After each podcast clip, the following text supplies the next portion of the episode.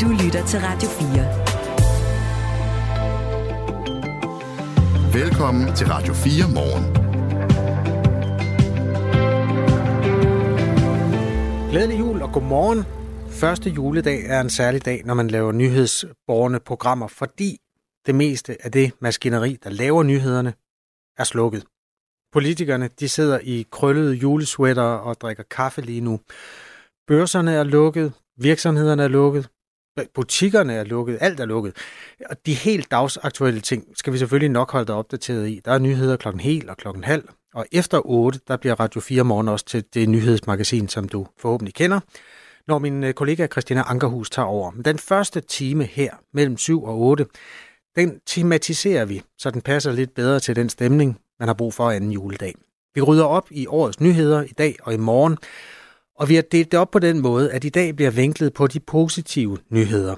De dårlige nyheder er der også masser af fra 2023, men dem gemmer vi altså til i morgen mellem 7 og 8. Rent journalistisk er positive nyheder en genre, der bliver set lidt skævt til i nogle kredse, fordi der er jo ikke rigtig nogen konflikt, hvis man laver en historie om, at øh, trafiklysene virker som de skal, eller skraldespandene bliver tømt hver uge. Alle danskere får, hvad de kan spise. Det kunne godt være en overskrift, men det er det ikke, fordi det er vi vant til. Uh, men der sker jo altså også gode ting, som måske kalder på lidt større uddybning. Nu skal du bare høre den næste time. Jeg hedder Kasper Harbo. Glædelig jul.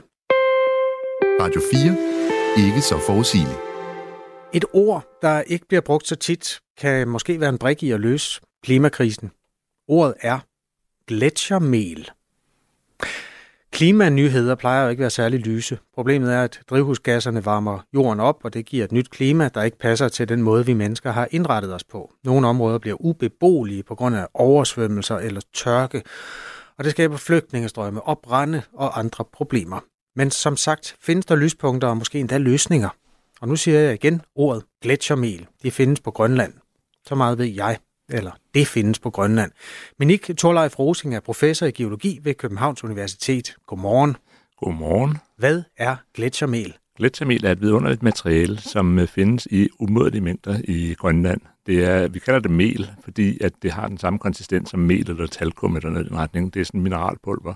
Og gletsjer, det er fordi, det er gletsjerne, altså indlandsisen i Grønland, som producerer det og øh, eksporterer det ud til kysten, hvor det så lægger sig. Øh, og det bliver lavet af indlandsisen, som sagt, i kæmpe mængder. Cirka en milliard tons om året producerer den. Og øh, det har en hel masse egenskaber, som gør, at det ikke bare er, øh, er mudder, som det jo ellers bare ligner, men at det kan øh, have en rolle i forhold til klimakrise, men også i forhold til fødevaresikkerhed og stort set alle andre ting, vi går og bekymrer os om. Der er mange ting, jeg gerne vil vide. Altså, jeg ved, at en gletsjer er is, der bevæger sig langsomt. Ja. Knuser den så stenene undervejs? Det gør den nemlig. Altså, isen, det er jo sådan ligesom stort levende væsen. Den, er jo, den bliver ved med at blive fornyet. Der falder sne op på toppen af den, som bliver trykket sammen, efter den bliver til gletsjeris. Og den gletsjerisen begynder at strømme, fordi det er sådan plastisk materiale. Det strømmer ud mod kysten inden fra midten af isen, og på vejen ud, der skuer det hen over sit underlag, som er, er klipperne, fjellene i Grønland. Og den ligger jo, den vejer, den er cirka 3.000 meter tyk, så der er et enormt tryk nede under isen. Så når den bevæger sig henover, så knuser den så det her fjeld øh, på vejen til et meget, meget fint pulver. Hver partikel er omkring mellem 2 og 3.000 del millimeter i, øh, i, i tværsnit, så det er altså nogle bitte, bitte, bitte små partikler. Øhm, og så er der som sagt rigtig, rigtig, rigtig mange af dem. Hvis du forestiller dig så små partikler, og så er en milliard tons af dem, så kan du prøve at, at se, om du kan tælle sammen, hvor mange det bliver til. ja, det bliver det sædvanligt med astronomi og den slags, at der er en masse nuller, som man ikke rigtig kan forholde sig til. Men der, der er rigeligt af det, og det kan være en gevinst for vores klima. Hvordan? Jamen det kan det, fordi at øh, hvis man ser på sådan en lang geologiske tidsskala, altså det, der faktisk regulerer vores klima, det er, hvordan at øh, klipperne, bjergene, de bliver angrebet af luftens koldioxid, som bliver sammen med regnvand bliver til en syre, den man kalder kulsyre, det kender vi alle sammen, går ud fra.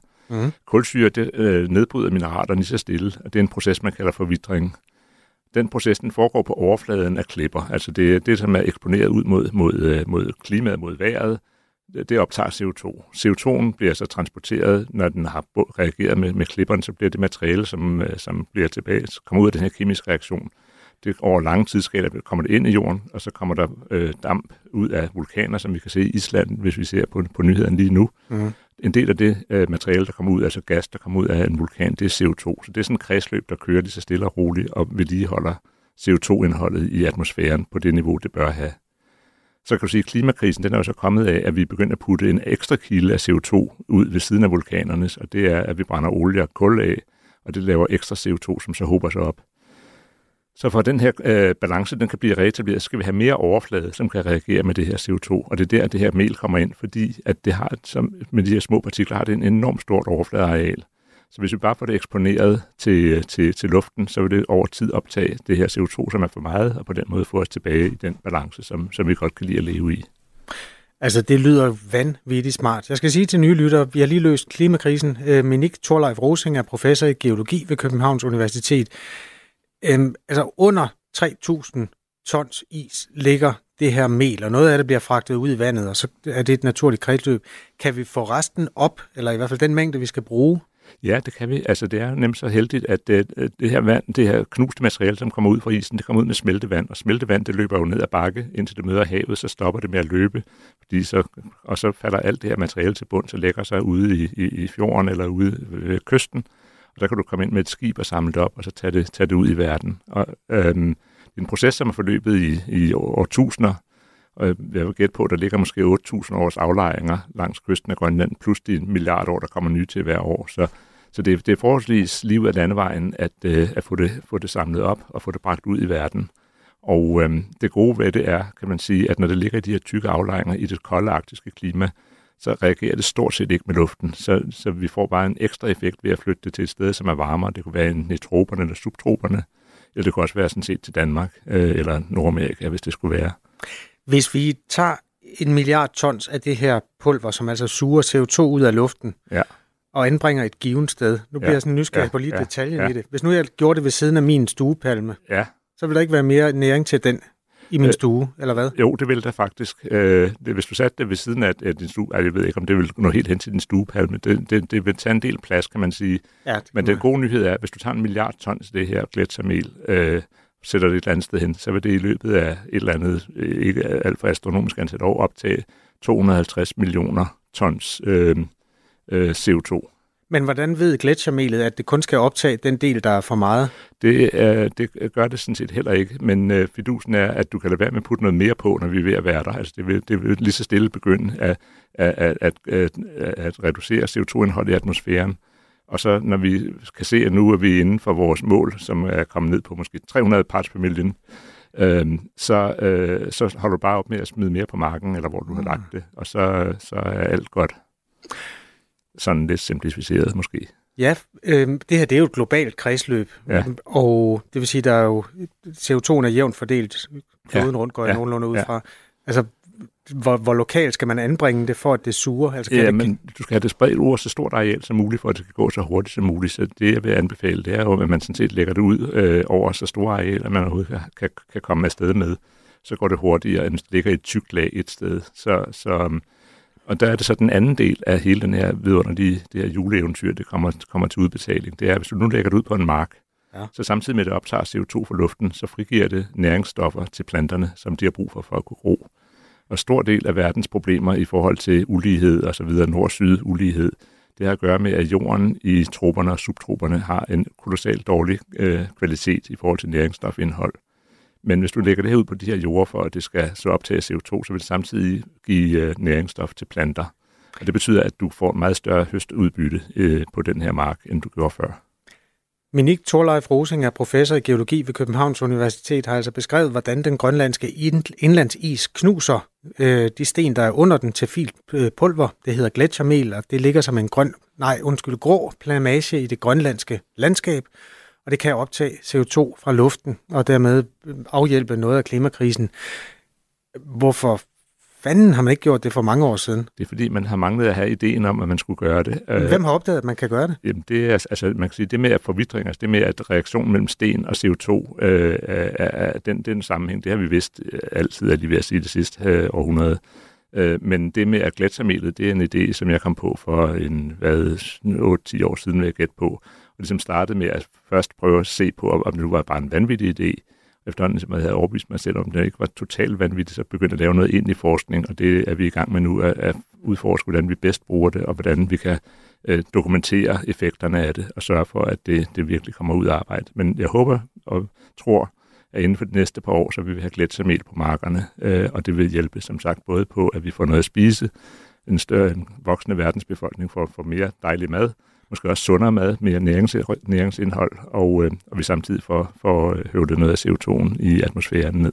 Og Grønland får en eksportsucces, der kan måle sig med rejer og torsk? Det er faktisk det er jeg ikke engang sikker på, at det måske gør. Det, det vil være dejligt, hvis det bliver sådan. Det håber jeg, det gør. Men en ting, som jeg synes er rigtig vigtigt, det er jo, at Grønland i stedet for at være et symbol på verdens uh, ulykker og klimakatastrofer, bliver en del af løsningen på dem i stedet for, så at Grønland også får en, hvad skal man sige, en positiv uh, afsmitning af at være af stedet, hvor du går til hen, når du har et problem, du skal have løst.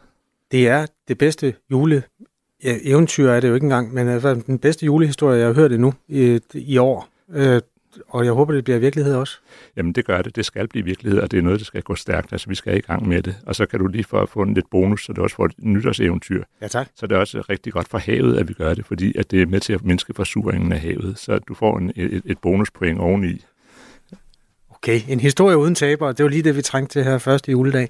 Tusind tak, fordi du kom. Ja, tak fordi at du kontaktede mig. Minik Thorleif Rosing er professor i geologi ved Københavns Universitet. Husk ordet gletsjermel. Det kommer du til at høre igen. Det her er Radio 4 morgen. Du lytter til første juledags udgave af Radio 4 morgen. Jeg hedder Kasper Harbo. De her helligdage efter juleaften er normalt ikke så tunge på dagsaktuelle nyheder, og det er måske heller ikke noget, folk efterspørger i stor stil. Så vi har dedikeret den første time her mellem 7 og 8 til et øh, lidt mere roligt tempo og til at rydde op i det, der er sket i årets løb. Efter 8, der står min kollega Christina Ankerhus klar med to helt øh, dagsaktuelle timer, så det, du bliver ikke snydt for nyheder i den forstand. Men dramaturgien her i øh, den første time mellem 7 og 8 er, at vi tager de gode nyheder i dag, første juledag, og de dårlige nyheder, som der også har været masser af i 2023, i morgen anden juledag. For mig var det en god nyhed, at der var faktisk relativt mange, der valgte at hoppe med på et forsøg, der hedder Hvid December. Det var en skør, øh, vild idé, min chef Sune fik, da der kom nye restriktioner for de ting, som øh, de unge mennesker må købe i butikkerne med alkohol i. Og øh, vi øh, midalderne har jo aldrig rigtig været underlagt restriktioner af nogen art, så derfor øh, synes Sune, det kunne være sjovt at sætte mig, øh, der er 52 til at gennemleve hele måneden uden alkohol. Altså det har jeg aldrig prøvet før, en december uden alkohol. Julefrokost uden alkohol, VM i dart, 90 års fødselsdag, øh, bryllup, en af mine bedste venner er blevet gift, og så juleaften, og i øvrigt også nytårsaften, uden alkohol. Der er 30-40 mennesker, der er gået med i forsøget, og jeg har talt med nogle af dem undervejs. En af dem er Pernille Kronborg fra Højrup ved Ringe på Fyn. Hun kalder sig tidligere champagne-dronning i et af de opslag, der er i vores gruppe. Der er en, en gruppe på Facebook, der hedder Hvid December med Radio 4. Pernille Kronborg, hun fortalte, at øh, hun gik med fordi? Min alkoholfri pause startede faktisk den 21. oktober, øh, og det uh. gjorde jeg for at øh, bevise noget over for mig selv, for at turde være ærlig øh, omkring mit øh, forbrug af alkohol, øh, og så fordi jeg var nysgerrig på, hvad øh, der sådan sker i og omkring mig i en periode uden alkohol. Og så valgte jeg at tage resten af december med, eller hele december med, øh, fordi projektet var tilpas langt ude, fordi jeg elsker en god udfordring. Det var Pernille Kronborg, det her. Kasper Ratchen er også med i den hvide december. Han bor i Sydvestjylland og er i øvrigt til daglig museumschef i Odense. Og han er altså også hoppet med. Jeg synes, du sagde det meget godt i radioen i morgen, det her med, at vi er så gode til at smide restriktioner ned over de unge mennesker. Øh, og så tænker jeg, jamen det er jo fuldstændig rigtigt, og ungdommen er også håbløs og alt det der, men vi er alle været unge, så vi burde jo nok lige prøve at smage medicinen selv. Så det var egentlig øh, anstød til det. Ja, øh, nu er det altså nu, første juledag, og øh, det her skal jeg lige skynde mig at sige, det var altså ikke et dogmatisk projekt. Der er ikke nogen af de mennesker, der godt kan lide alkohol, som skal droppe det for vores skyld. Det er noget, vi står igennem for at teste, om det er fedt, og hvis det ikke er det, så gør vi det aldrig mere. Juleaften i går, der er helt sikkert mange mennesker, der har fået en rigtig god tung Amarone eller sådan noget til deres fede julemad, og det er dem vel ondt. Og nu er det jo den positive øh, hat, vi har på i dag i Radio 4 Morgen, så derfor skal vi også sige en masse pænt om alkohol. Læge og videnskabsjournalist Jørg Langer har øh, sagt ja til at hjælpe os med det. Glædelig jul, Jørg. Ja, tak skal I have. Og i lige måde. Tak. Øh, hvad er det positive ved alkohol? Det positive ved alkohol er jo, at det i små mængder, og jeg er nødt til at sige små mængder, virker på vores øh, forreste del af hjernen, altså det man kalder præfrontal Øh, cortex, og gør, at vi mister en lille smule af vores hæmninger. Vi tør lidt mere, vi øh, er vel også lidt øh, festligere, vi øh, sænker paraderne, og vi er lidt mere åbne. Og hvis man er i en situation, det er en eller anden social øh, sammenhæng, som der jo har været masser af gennem december måned, og man i forvejen er lidt generet, eller usikker, eller utilpas, jamen så får man altså lige løftet sin selvtillid øh, en lille smule, og kan fungere bedre i disse sociale sammenkomster. Og det er jo den positive ting ved alkohol, at det letter os i sociale sammenhæng og gør, at øh, så frem der ikke er nogen, der sidder og fulde, for så er de jo bare dumme at høre på, men hvis alle lige har fået lidt, jamen, så bliver det bare rigtig meget sjovere. Det er jo den indersiden af menneskelivet, eller menneskesjælen, du beskriver der, øh, Jack. Hvad med selve kroppen? Altså, jeg synes, i min tid har jeg da ær til opdaget artikler, der handler om, at det der glas rødvin, det skulle nærmest forlænge eller fordoble min levetid eller sådan noget, og så kommer der et dementi 14 dage efter, at det ikke rigtig passer. Jeg har aldrig rigtig fundet ud af, om det, om det er rigtigt eller ikke rigtigt, at, at for eksempel rødvin er sundt. Nej, men nu skal jeg jo sige det ud fra en strikte videnskabelig øh, indsigt, og det mener jeg nok, at jeg har. Man skal aldrig begynde at drikke alkohol for at blive sund. Så er det altså meget bedre at gå en tur og spise en gulerod. Det er rigtigt, at der i forskning måske kan påvises en let positiv gevinst, eksempelvis på demens, og det er jo dejligt, eller på hjertesygdom, ved at drikke det, man typisk siger, et glas rødvin, eller måske to om dagen. Men det er ikke ret meget, og der er egentlig også sat lidt spørgsmålstegn ved det, og det skal, synes jeg ikke, vi skal gå ind på her julemorgen, fordi så bliver det en lang udsendelse. Men jeg synes godt, at man, så frem man ønsker at drikke alkohol, kan glæde sig over, at det i moderate mængder, og det er jo de her sædvanlige, vi alle sammen kender, en genstand om dagen, typisk øh, øh, måske en ekstra ved festlige lejligheder, og aldrig drikke for meget på samme dag. Hvis man vælger at drikke på den måde, så kan man i langt de fleste tilfælde gøre det, uden at det giver nogen skade. Men det er ikke sådan, at alkohol er en sundhedseliksir. Det er noget, vi håbede, at det var og glæde os over, men det er altså ikke sådan, fordi der er også det at sige til det, at den forskning, man har lavet, er typisk lavet i øh, 50'erne og 60'erne nede i Middelhavslandene, hvor de i forvejen gjorde alle de rigtige ting, spiste middelhavskost og havde solen skinnet, og de holdt en lang siesta med en lur, og øh, de drak kun til måltider, og de drak sig aldrig beruset af den slags. Og det er jo ikke helt sådan, det foregår øh, her oppe i Danmark, når vi virkelig går til den. Glædelig jul, og tak fordi du vil putte så meget positivt drøs på det vin, der alligevel er drukket nu. Ha' det godt, Jack. Ja, ja lige måde. Jack Langer, altså læge og videnskabsjournalist, som hjælper os med at øh, rydde op i øh, gårdsdagens begivenheder. Jeg hedder Kasper Harbo, og glædelig jul. Du lytter til Radio 4. De mennesker, der drak øh, et glas Ramarone juleaften, er jo ikke de eneste, der har fået lidt at drikke i december. Sådan på værtshusene rundt omkring, der vil man vide, at der er lys i vinduerne, og man har siddet og måske ryddet op i nyhedsstrømmen, som den har taget form i løbet af 2023. Min kollega Cecilia Sækker skal jeg da også sige glædelig jul til. Glædelig jul. Fik den bundne opgave at finde ud af, hvordan 2023 egentlig er kondenseret i menneskesjælen. Altså har vi snakket os frem til, om det er et godt eller et dårligt år? Hvad er det egentlig, man taler om, når man drikker på værtshusene? Og så er det dig, der ved mest, for du har en bunke visdom med hjem. ja, det har jeg. Tak, Kasper. Jamen, øh, jeg tog ned på øh, værtshuset Drop In her i Aarhus, som øh, jo faktisk er åben alle dage fra 7.30, så det fortæller også lidt om, der er ret meget snak sådan en dag nede på et værtshus. 7.30, det er også sådan først på dagen. Det kan man sige. Regulær brun bar, ikke? hvis man lige skal diagnostisere. Det synes jeg er meget rigtigt at sige. Mm. Jeg tog der ned kl. 14 en øh, fredag eftermiddag på opfordring af værtshus ejeren Lars. Altså det er der, man topper? Det, det, er der, nogen har været i gang siden 7.30 og er i gang igen efter 14 også. Ah, perfekt. Jeg øh, talte med et par stykker, og blandt andet med Hanne Eriksen. Jeg synes, at Hanne er et rigtig godt eksempel på, nu taler vi om de positive nyheder i dag, mm. at 2023 godt kan være, nu siger jeg en tegnord, lort. Okay, citat øh, slut. Citat slut. Men alligevel, så kan der godt være nogle positive ting, og jeg vil ikke sige så meget andet, end at øh, jeg spiller lige noget for dig. Jeg går ikke så meget op i klimaforandringer, og jeg går ikke op i kongehuset. Jeg går ikke op i fodbold bordtennis og alt det der. Hvad er du så gået op i 2023? Jamen, øh, venskab i min... Øh, jeg, er oppe i, jeg er oppe i alderen. Alene. helt alene, men mine venner er her. Det er det vigtigste. Og øh, ja, nu skal jeg, fået en ny hoft I 2023? ja, i, maj, i maj. Nu skal jeg have en nyt knæ. Skal se undersøgelse på torsdag. Inden for en uge vil de reparere på den.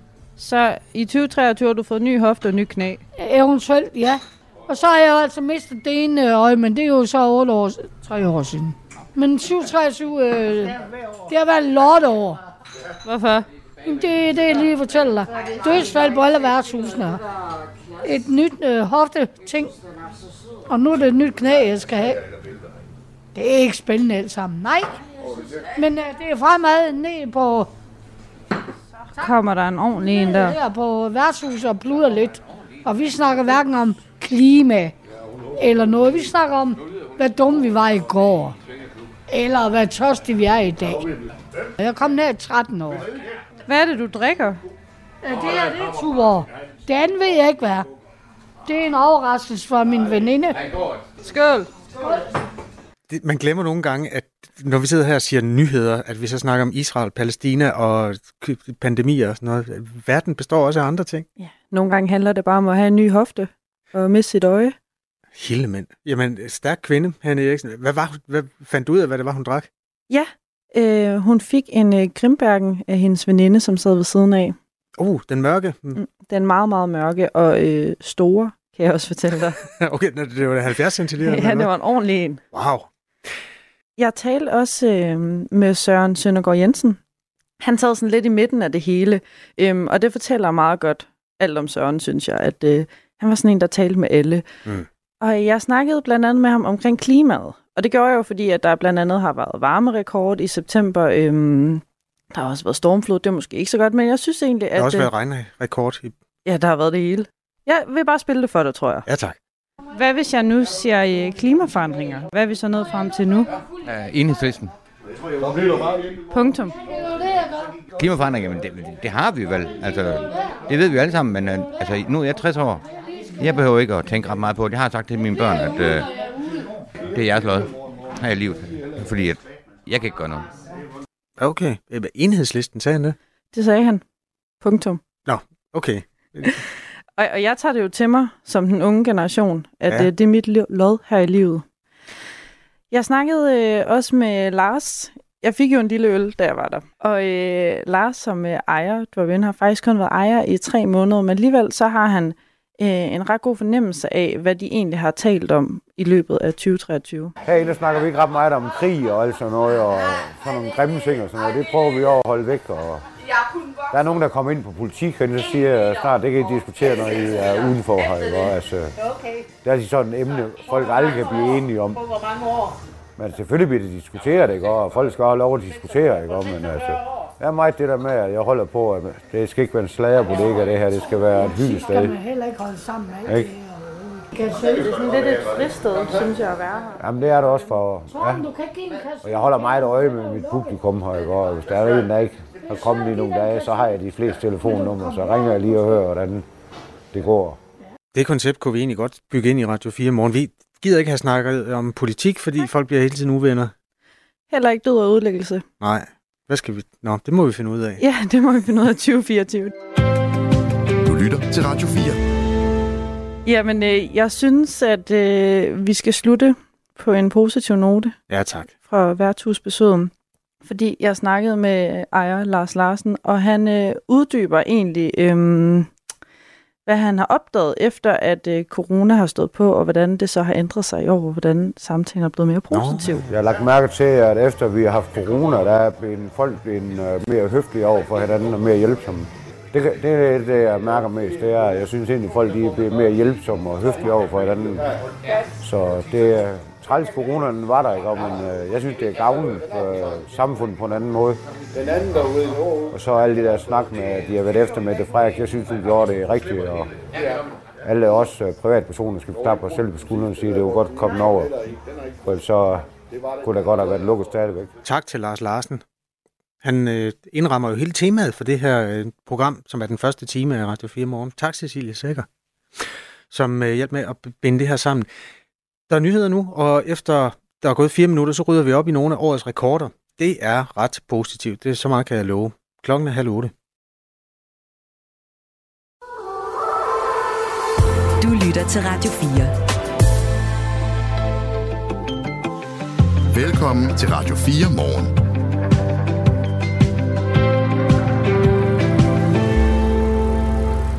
Det her er Radio 4 Morgen i sin første juledags udgave, hvor vi kigger på nogle af årets positive nyheder, fordi det passer bare bedre til sådan en dag end øh, alle de andre negative. Dem rydder vi i øvrigt op i i morgen, altså anden juledag mellem 7 og 8. Så hvis du bedst kan lide dem, så er der også noget til dig. I bunken af positive nyheder ligger der selvfølgelig også en masse rekorder. Danmarks rekorden i at hoppe på trampolin er for eksempel blevet slået. 14 timer, 5 minutter og 56 sekunder hoppede Ditte Lea Hesselborg på trampolin i år. Først og fremmest lidt på bagkant, men alligevel kæmpe tillykke med den præstation. Mange tak. Hvorfor satte du dig for at slå rekorden i trampolin?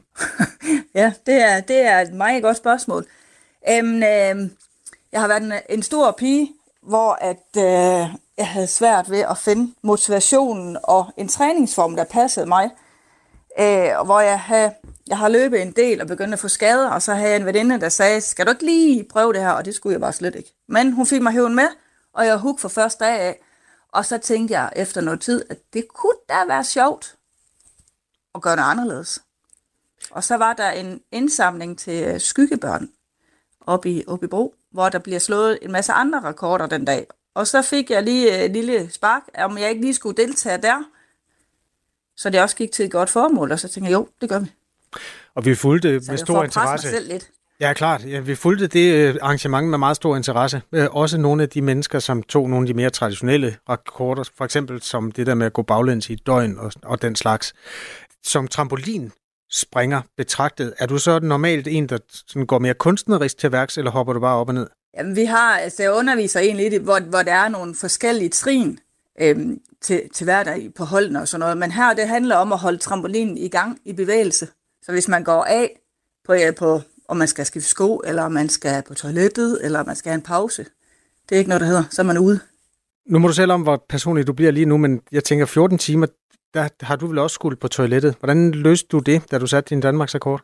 Ja, det var et fint, øh, en fin hulehopring med sådan et badeforhæng. Og så min mor og en rigtig god ven, der satte det ned over mig. og så en voksen bliver ned, og så øh, stadigvæk i bevægelse, for ellers så er det man jo ude, og så må man gøre det, man skal. Det... Og så af med den igen og videre. Det billede bliver jeg simpelthen nødt til at male helt langsomt. Altså, vi har en trampolin, og vi har uh, Ditte, ja. Lea og Hesselborg, der hopper på den. Op på trampolinen træder så dine to allierede med en uh, hulehopring, hvor der er uh, sådan et badforhæng på, så man ligesom kan dække for noget. De rækker så en blæ ind under uh, det her forhæng. Ja. Altså, trampolinen er ikke så stor. Den er jo kun cirka hvad den 21 i diameter. Jamen, det var heller ikke den, jeg var så nervøs for. Jeg tænker mere, hvad sker der under? Øh... Ja, de kan strække den ind over mig nemlig, og ned over, så et badeforhænge, det er stadigvæk, øh, man stadigvæk kan se mine fødder, fordi man skal kunne se, at jeg er i bevægelse. Naturligvis. Og så handler det om at, at finde den der øh, form, hvor man, hvor man egentlig går, og har trampolinen i bevægelse, men samtidig også kan slippe vandet. Ja. men tager du blæen helt på, eller holder den bare under, så du kan tisse ned på den? Den, den tager jeg på, fordi at, øh, det er ikke bare lige at gå og tisse.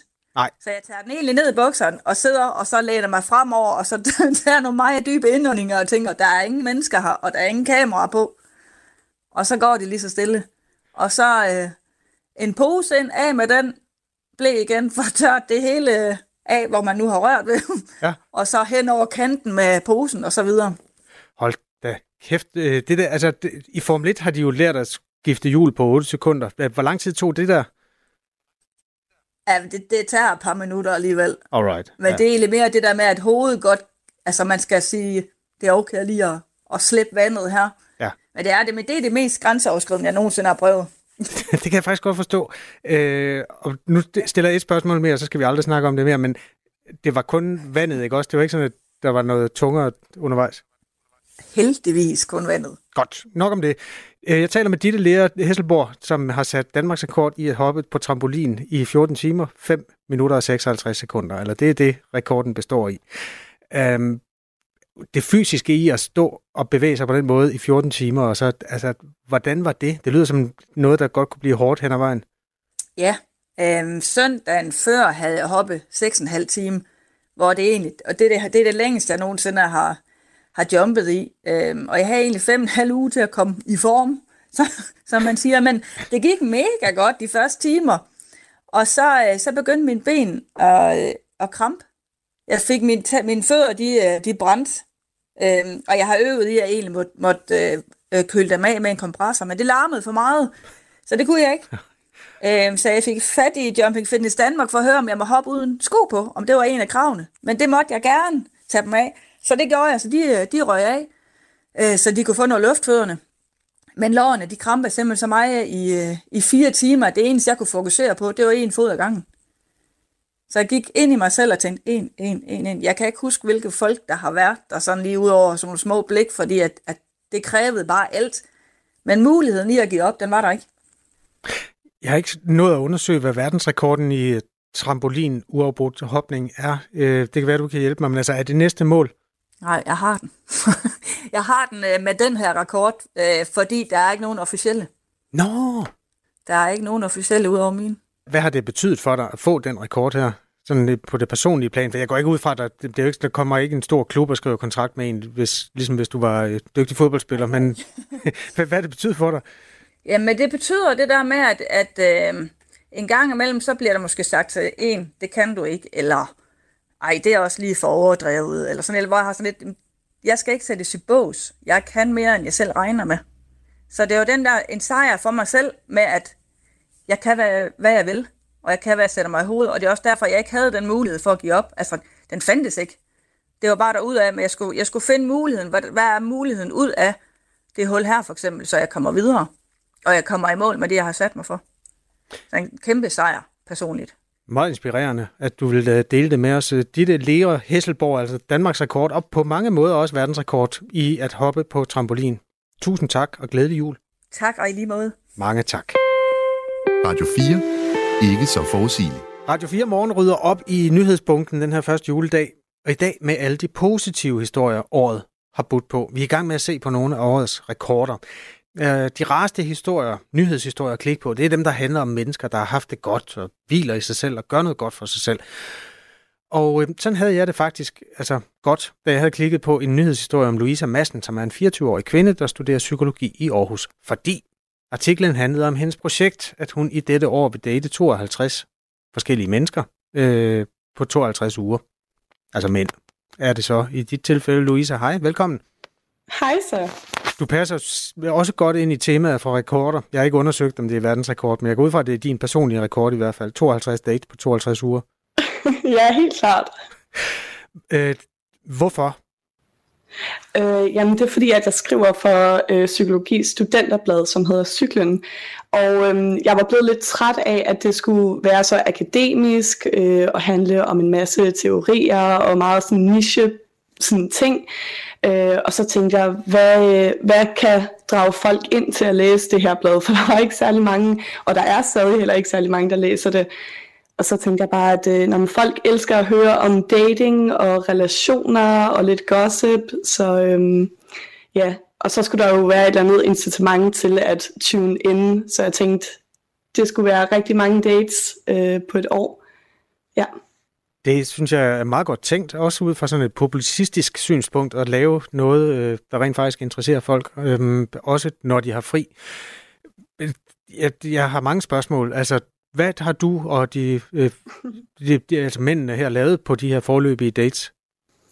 Uh, vi har lavet, altså, jeg har været i sauna, jeg har været ude og aftenbade, på Aros, øh, drukket en hel masse øl, spillet rigtig meget minigolf. Der har været lidt af hvert. Er du blevet bedre til minigolf i løbet af de der mange dates? Nej, desværre ikke. Og det er også derfor, jeg tror, jeg er meget frustreret med minigolf nu. Altså, jeg overvejede på et tidspunkt en date i et bowlinghal mellem en mand og en kvinde. Det var ret tydeligt, at de ikke havde mødt hinanden, før de var ude at bowle. Og det manden, han gjorde, det var, at han lavede over 200 point, og hun lavede omkring 50. Altså, han smadrede hende fuldstændig. Og det er bare en rigtig dårlig start på en date. Så jeg tror måske, du gør noget rigtigt ved at sådan være lidt ydmyg og ikke alt for god. Ja, måske. Eller også er jeg bare virkelig dårlig, og det er slet ikke intentionelt. Okay, altså jeg ved ikke så meget om dates, øh, så nu må du lige også hjælpe os lidt her. Altså, at, munder det ud i, at man kysser hinanden nogle gange? Øh, nogle gange, ja. ikke, ikke på øh, særlig mange af datesne, men nogle gange ja. Jeg ved, du har tre regler. Altså, både noget om etableringen, at han skal skrive først, og han skal bestemme, hvad I skal lave, og så er der regel nummer tre, jeg tager ikke hjem med nogen på første date. Det kan være, at nogen sidder og tænker over, om, der, at, om det der det var i spil. Og det, altså, i, det ligger i regel nummer tre, det er det ikke. Mm. Er der nogen, du har set mere end en gang? Øh, ja, et par stykker. Øhm, der har været en, jeg har været på to dates med, øhm, og så er der så nogen, jeg har set mere casually. Hvad ligger der i det? Øh, nej, men, øh, nogen har jeg sådan set som øh, venner efterfølgende, og så er der nogen, som så har, øh, altså det har båret et, øh, et andet form for øh, forhold, sådan seksuelt helt øh, præcist. Men det er meget få. Okay. Jeg taler med 24-årige Louisa Madsen, som øh, har sat sig for, at 2023 skal være året, hvor hun dater 52 forskellige mænd, svarende til antallet af uger i øh, årets løb. Louise, jeg kan ikke lade være med at tænke på, eller det tænkte jeg på, da jeg læste artiklen, lægger det ikke sådan lidt bånd på ens evne til at involvere sig med en given date, når man ved, at man skal ud med 27 mere i de 27 næste uger? Um, det kommer vel nok an på, hvad man altså, går ind i daten med. For mig har det altid været et projekt, øh, og for mine dates har de altid været bevidst om, at øh, de var med i et projekt. Det fremgår meget tydeligt øh, af min Instagram-profil, eller min Tinder-profil. Øhm, så vi begge to, altså begge parter er gået ind med det øh, i sådan et, okay, det er en date, og så er der nok ikke mere i det. Øhm, og så, altså, det minimerer ikke det niveau af sådan øh, interaktion mellem en, eller connection mellem os. Jeg har haft nogle fantastiske dates, hvor at, øh, jeg kunne sagtens forestille mig at være virkelig gode venner øh, med de her personer. Så det vil jeg ikke sige. Men hvis det nu, altså som sagt, jeg er ikke ekspert, men hvis det, jeg forbinder med en date, det er, at man møder nogen og håber at møde den eneste ene. Øh, havde du stadigvæk den bagtanke, at hvis du mødte den eneste ene, så skulle det være, være det? Altså i starten så gik jeg meget ind med sådan, jeg skal slet ikke finde nogen som helst, som det skal, altså det kan udvikle sig til noget med. Men øhm, efter noget tid, så sagde jeg også bare til mig selv, hvis det sker, altså hvis jeg finder en sød mand, som jeg egentlig gerne øh, vil have en fremtid med, eller kan se mig øh, lave mere med, så er det fint nok, og jeg er ikke aflukket for ideen. Jeg tror også, det vil være naivt nu at være helt aflukket, hvis man mødte den, den eneste ene. Øhm, så det er slet ikke, fordi jeg er aflukket, men jeg er også bare meget bevidst om, at det er et projekt, det her. Nu har vi talt meget om følelser og, og sådan noget, men altså, der er også noget videnskabeligt i det, når du bruger det, og du studerer psykologi. Hvad har du egentlig uddraget af det indtil videre, sådan rent psykologisk? Øh, jamen, man kan ikke uddrage øh, noget om det psykologisk. Øh, der er mange folk, som tror, at det her er et eksperiment, eller at det bliver publiceret i videnskabelige øh, artikler. Og det er det jo ikke. Det er til et øh, studenterblad. Øhm, og man kan ikke rigtig, der er jo ikke nogen variabler, der bliver manipuleret, så det er ikke noget eksperiment. Man kan ikke uddrage noget specifikt om det.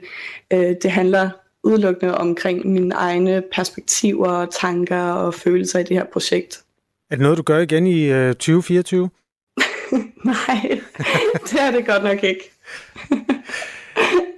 Godt, jamen øh, jeg ved ikke, hvordan man egentlig runder sådan en her af, for du er ikke helt færdig med at date i år, men øh, er, er, er der en, en hidtil vinder? Er der, en anden, kan, er der en af de mænd, du har været ude med, hvor vi ligesom kan lære noget af det, hvordan man skal agere? En, en der har gjort særlig indtryk, fordi han bare gjorde det rigtigt?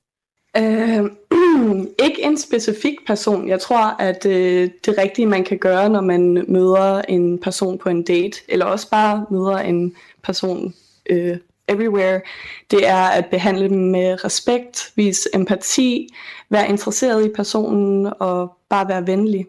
Louisa Madsen, 24 år, øh, psykologistuderende og altså indehaver af godt og vel 50 dates øh, i forgangne år. Tak fordi du vil øh, dele ud af dine erfaringer, og glædelig jul. Jo, tak lige måde. Det her er Radio 4 morgen. Hey Barbie. Can I come to your house tonight? Sure. I don't have anything big planned, just a giant blowout party with all the Barbies and planned choreography and a bespoke song. You should stop by. So cool. Nu vi er ved rekorder. Filmen Barbie blev den mest sete biograffilm i Danmark i år. Det var selvfølgelig en succes for produktionsselskabet bag filmen Warner Bros., for det blev den mest indtjenende film nogensinde. Øh, den vippede Batman-filmen The Dark Knight af pinden. Den rundede 1 milliard dollars, og nu er jeg altså ude på verdensplan, øh, 17 dage efter den fik premiere. Det er der aldrig nogensinde en film, der har præsteret før. Instruktøren bag filmen hedder Greta Gerwig, er første kvinde nogensinde, der har instrueret en film, der har indtjent så mange penge. Så det er jo faktisk en god film, vil jeg gerne sige, for egen regning, og en god forretning, kan nogle andre så øh, underbygge. Lad os blive ved filmen. Anne Lind Andersen er film- og serieekspert ved mediet What to Watch, der anmelder film og serier. Glædelig jul og velkommen. Tak skal du have.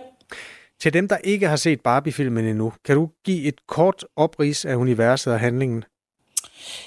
Øh, ja, uh, ja. Øh, den foregår i, i Barbiland, øh, hvor det er kvinderne, der, Barbierne, der har øh, magten, så at sige. De øh, lever i et matriarkat. Øh, og øh, så øh, får hun på en eller anden måde øh, øh forvildet sig ind i den virkelige verden, hvor øh, det ikke forholder sig sådan, hvor det jo er mændene, der har øh, magten. Og det bliver meget sådan en øjenåbner for hende. Øh, det bliver også en øjenåbner for Kent, som ligesom er fuldt med i hendes kølvand, øh, og han synes jo, det er en vidunderlig verden, hvor mændene har magten, og det tager han med hjem til Barbiland, hvor det så begynder at være kenderne, der styrer øh, stedet der. Øh, og det kommer der jo mange øh, kønsproblematikker og forviklinger ud af. Det er vist sådan meget kort beskrevet, hvad filmen handler om. Jeg har ikke det mindste imod, at man tager kønsproblematikker alvorligt, men det er egentlig ikke derfor, jeg går i biografen. Altså hvis jeg skal være øh, sådan politisk øh, engageret og interesseret, så er det ikke, når jeg går ud og hygger mig med kultur. Så det, den, bliver, altså, den kan også bære noget ud over det. Den har noget charme ud over det alvorlige. Hvad tror du egentlig, det er? Jamen altså, det er jo hele grundlaget, det er jo et legetøj. Det er Barbie-dukken, som er et af de mest ikoniske stykke legetøj, der findes jo, som, som øh, øh, mange øh, årtiers øh, børn, jeg vil sige, det er ikke kun piger, øh, der har leget med. Så, så det er et meget genkendeligt stykke legetøj, som lige pludselig har fået sit eget ret vellykket øh, filmunivers, hvor øh, Greta Gerwig, instruktøren, ligesom har taget det her lyserøde kan man sige, den lyserøde identitet alvorlig, øh, og, og, øh, men stadigvæk med den der charme og interessen for, for, øh, for øh, omgivelserne, altså for interiøret, designet og, og kostymerne og alt det der, øh, og humoren ikke mindst, øh, med ind i filmen, som gør, at det er en charmerende, det er en let oplevelse, det er en kulørt oplevelse, når man sidder der. Og så har den jo Øh, og man kan jo diskutere, hvor, hvor, øh, altså, hvor dybt øh, øh, budskabet bliver, men den har jo et budskab omkring øh, feminisme og at øh, kvinder øh, er gode til at styre magt. 640.000 danskere har set den her i Danmark, eller der er i hvert fald solgt 640.000 billetter. Det kan være, at der er nogen, der har set den mere end én gang. Øh, den har også sat den der anden rekord, jeg var inde på, Greta Gerwig. Altså, hun er den første kvinde nogensinde, der som soloinstruktør har fået lavet sådan en film, der kan omsætte for over 1 milliard dollars. Kan man egentlig mærke på filmen, øh, du har sikkert set tonsvis af film, som har været lavet af mænd, også øh, de der sådan helt topscorerne. Kan man mærke forskel ved, at det er en kvinde, der instruerer den? Altså, det, det synes jeg jo, fordi det er også det, øh, hun gør noget ud af, Greta Gerwig. Altså, det, hun vil jo også gerne kunne have, at det kan mærkes i filmen, at hun er bevidst om, at der er en eller anden form for kønsleg i, i gang. Øh, ikke bare i filmen, men i, i de her år, hvor vi diskuterer øh, mandlige og kvindelige identiteter op imod hinanden, og alle mulige andre identiteter derimellem eller derudover. Altså, og det er hun jo bevidst om. Det, vil hun, det er noget, hun gerne vil tale ind i. Der findes jo masser af kvindelige instruktører, som, som øh, ikke er interesseret i, øh, altså, at det spiller ind. De vil gerne have, at de ligesom bliver set på lige fod med, med de mandlige instruktører. Man ikke kan mærke på deres film, at det er en kvinde, der står bag. Og det er jo slet ikke Greta Gerwigs agenda øh, her med Barbie. Øh, og så har den jo altså øh, virkelig aflevet den store myte, der har været filmbranchen i, i mange, mange år, øh, at, øh, at øh, kvindelige instruktører ligesom ikke kan lave film til det brede publikum, at når der er en kvindelig instruktør, der laver en film, så gider folk ikke købe billetter, og det har Barbie jo i den grad øh, tilbagevist. Jeg taler med Anne Andersen fra øh, det her medie, der hedder What to Watch, øh, som anmelder film og serier. Det er Anne Andersen nærmest ekspert i, og det er derfor, vi taler om årets topscorer i de danske biografer og i mange andre landes biografer, nemlig filmen om dukken Barbie, som ikke bare er en dukke, men som er Margot Robbie. øh, og ved siden af står Ryan Gosling. Jeg har i mange år tænkt over, hvad vil være den perfekte rolle til Ryan Gosling, fordi han har simpelthen det mest døde ansigt. Der er ikke ret meget fart på der, men han er perfekt som kendt. Åh oh, gud. Altså, ja, det er jeg jo fuldstændig enig i. Men det er jo fordi, at man skal jo også kunne læse det ud af Ryan Goslings skuespil. Øh, du siger, at han ikke har så meget mimik i ansigtet måske, men han har jo altid det her glimt i øjet. Altså, der er altid en humor, der ligger og lurer, øh, og det gør der jo i så høj grad også her øh, i Barbie-filmen, hvor han, hvor han spiller kendt. Og så samtidig, altså øh, ikke tager det mere alvorligt, at han godt øh, kan gøre ret meget grin med sig selv undervejs. Varm anbefaling til øh, sofaerne i den her ferie, der som øh, mange mennesker har mellem jul og nytår. Anne Andersen, kan- jeg ved ikke, om I bare arbejder med stjerner eller ruller, eller hvad I giver i, i præmie, men kan du huske, hvor højt du rangerede den her film, da du havde set den? Ja, jeg gav den øh, fem stjerner. Øh, meget underholdende øh, film, som lykkes med, med, med det, hun sætter sig for, synes jeg, Greta Gerwig. Og så, ja, så kom alle rekorderne oveni. Jeg tror, den er faktisk på global plan op på 1,4 milliarder dollars lige nu, og er årets øh, altså store globale blockbuster. Det er der ikke nogen tvivl om. Tak, fordi du vil hjælpe os med at anmelde øh, lidt på bagkant øh, årets filmhit. Anne Andersen, og fortsat glædelig jul. Ja, lige med. Glædelig jul. Film- og serieekspert på What to Watch. And I'm bad like the Barbie. I'm a doll, but I still wanna party. Pink felt like I'm ready to bend. I'm a 10, so I pull in a can. Like Jazzy, Stacy, Nikki. All of the Barbies. 2023 har givet os rekord i trampolinspring, rekord i dates og rekord i indtjening ved hjælp af en film. Men det har også givet os rekord i regn. November var ekstremt våd, og det var så ovenpå en oktober, som også var rigtig våd. Allerede for en måned siden tydede alt på, at den gamle nationale regnrekord på 905 mm i gennemsnit vil blive overgået. 17. november havde vi fat i Andreas Nyholm, der er værvært og meteorolog ved TV2 vejr om det her regnfulde efterår.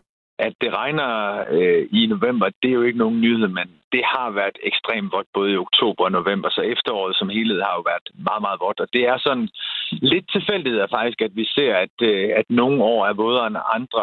Så, så der er nogle meteorologiske tilfældigheder med, at man kommer ind i nogle perioder, hvor det bare ser ud til at regne i længere perioder. Øh, det er så ikke tilfældigt, at det bliver vådere og vådere, for det er drevet af af de her meget kraftige klimaforandringer, vi oplever. Så stor zoomer man ud, jamen, så er det, grunden det bliver varmere, så kan der være mere fugt i luften, og dermed mere nedbør. Men sådan helt nede på sådan dagen og ugen, jamen, så er det lidt tilfældigt, at det lige regner øh, mere nogle år end andre.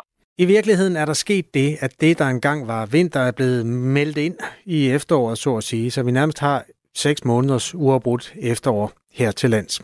Eller som Andreas Nyholm forklarer det. Vi ser, vi ser en kraftig ændring i, i specielt øh, vintermånederne. Der kan man sige, nu er vi jo inde i, i midt-slut november, som jo også øh, læner sig ind mod vinteren, og det er der, vi ser de største ændringer, både med temperatur og hvad angår nedbør. Så førhen, jamen, der var det jo øh, ofte koldt øh, og med sne. Nu er det omvendt øh, noget lunere, det vil sige plusgrader, og så er det regnfuldt og også øh, til dels blæsende i vintermånederne. Så der er sket et stort skifte i dansk vejr her de sidste 30-40 år, så, så mere efterår og mindre vinter er det, vi skal forberede os på. Og, og, så de måneder, vi, vi har jo altid haft våde efterår i Danmark, altså oktober og november er våde måneder, var det også i gamle dage, men nu er de bare blevet endnu vådere, og det er jo nogle gange det, der kan gøre en stor forskel, hvis der lige kommer 5, 10, 15, øh, 20 procent mere regn øh, på grund af, at, temperaturen er steget de her par grader, jamen det gør altså en ret stor forskel på, på altså, når man ser på konsekvenser, at, at jorden kan simpelthen ikke suge mere. Så jorden er ikke blevet i stand til at suge mere øh, nedbør, selvom den bare bliver ved med at, at komme mere. Så, så det giver altså sådan nogle stigende, stigende udfordringer i fremtiden, uden, uden tvivl. Det er for tidligt at gøre status over, hvor mange millimeter regn vi har fået i Danmark, men den gamle rekord på de 905 mm, den kommer til at falde. Den her time mellem 7 og 8 har været et forsøg på at tage den positive hat på, hvilket jo kan være svært, når man kigger på nyhederne. For eksempel klimakrisen, som øh, buller. Men øh, du kan eventuelt hente det som podcast, hvis du ikke har været med fra start, og høre, hvordan knust klippestøv fra Grønland måske kan bruges til at optage noget af al den CO2, som der er for meget af lige nu. Vi skal jo slutte vejrrekorden på en positiv tone, så jeg har bedt Morten D.D. Hansen, der er biolog og naturvejleder, om at sige noget positivt om det faktum, at vi har fået mere regn end nogensinde før. Den positive vinkel på regnen, når man kører rundt i vores landskaber lige nu, er jo, at man kan se, hvor mange steder, der naturligt egentlig vil være våde, hvis ikke vi havde drænet dem, så vi kunne dyrke vores afgrøder. Og det er bare sådan ude i naturen, at vand er lige med liv. De steder, hvor der er vand, der opstår der variation, og der er, der er masser af arter, der er tilknyttet til de her områder mellem land og vand, kan man sige. Så vi får jo i virkeligheden et, et en-til-en billede af, hvordan Danmarks natur ville se ud, hvis vi lod den være lidt vildere. Morten D.D. Hansen, han er biolog og naturvejleder. Måske har du set ham i fjernsynet i nogle af de programmer, han har medvirket i der. Han er med i Radio 4 morgen i morgen mellem 7 og 8, hvor han hjælper mig med at rydde op i årets negative nyheder. Det kan være svært at forstå, hvorfor der er så meget dårligt. Så meget dårligdom, men det har en naturlig forklaring. Mennesket er jo i bund og grund stadigvæk et dyr. Forudsigeligt, krigerisk og primitivt.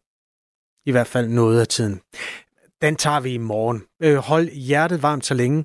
Min kollega Christina Ankerhus tager over med en mere dagsaktuel omgang nyhedsmagasin her i Radio 4 morgen om 5 minutter. Klokken er 8.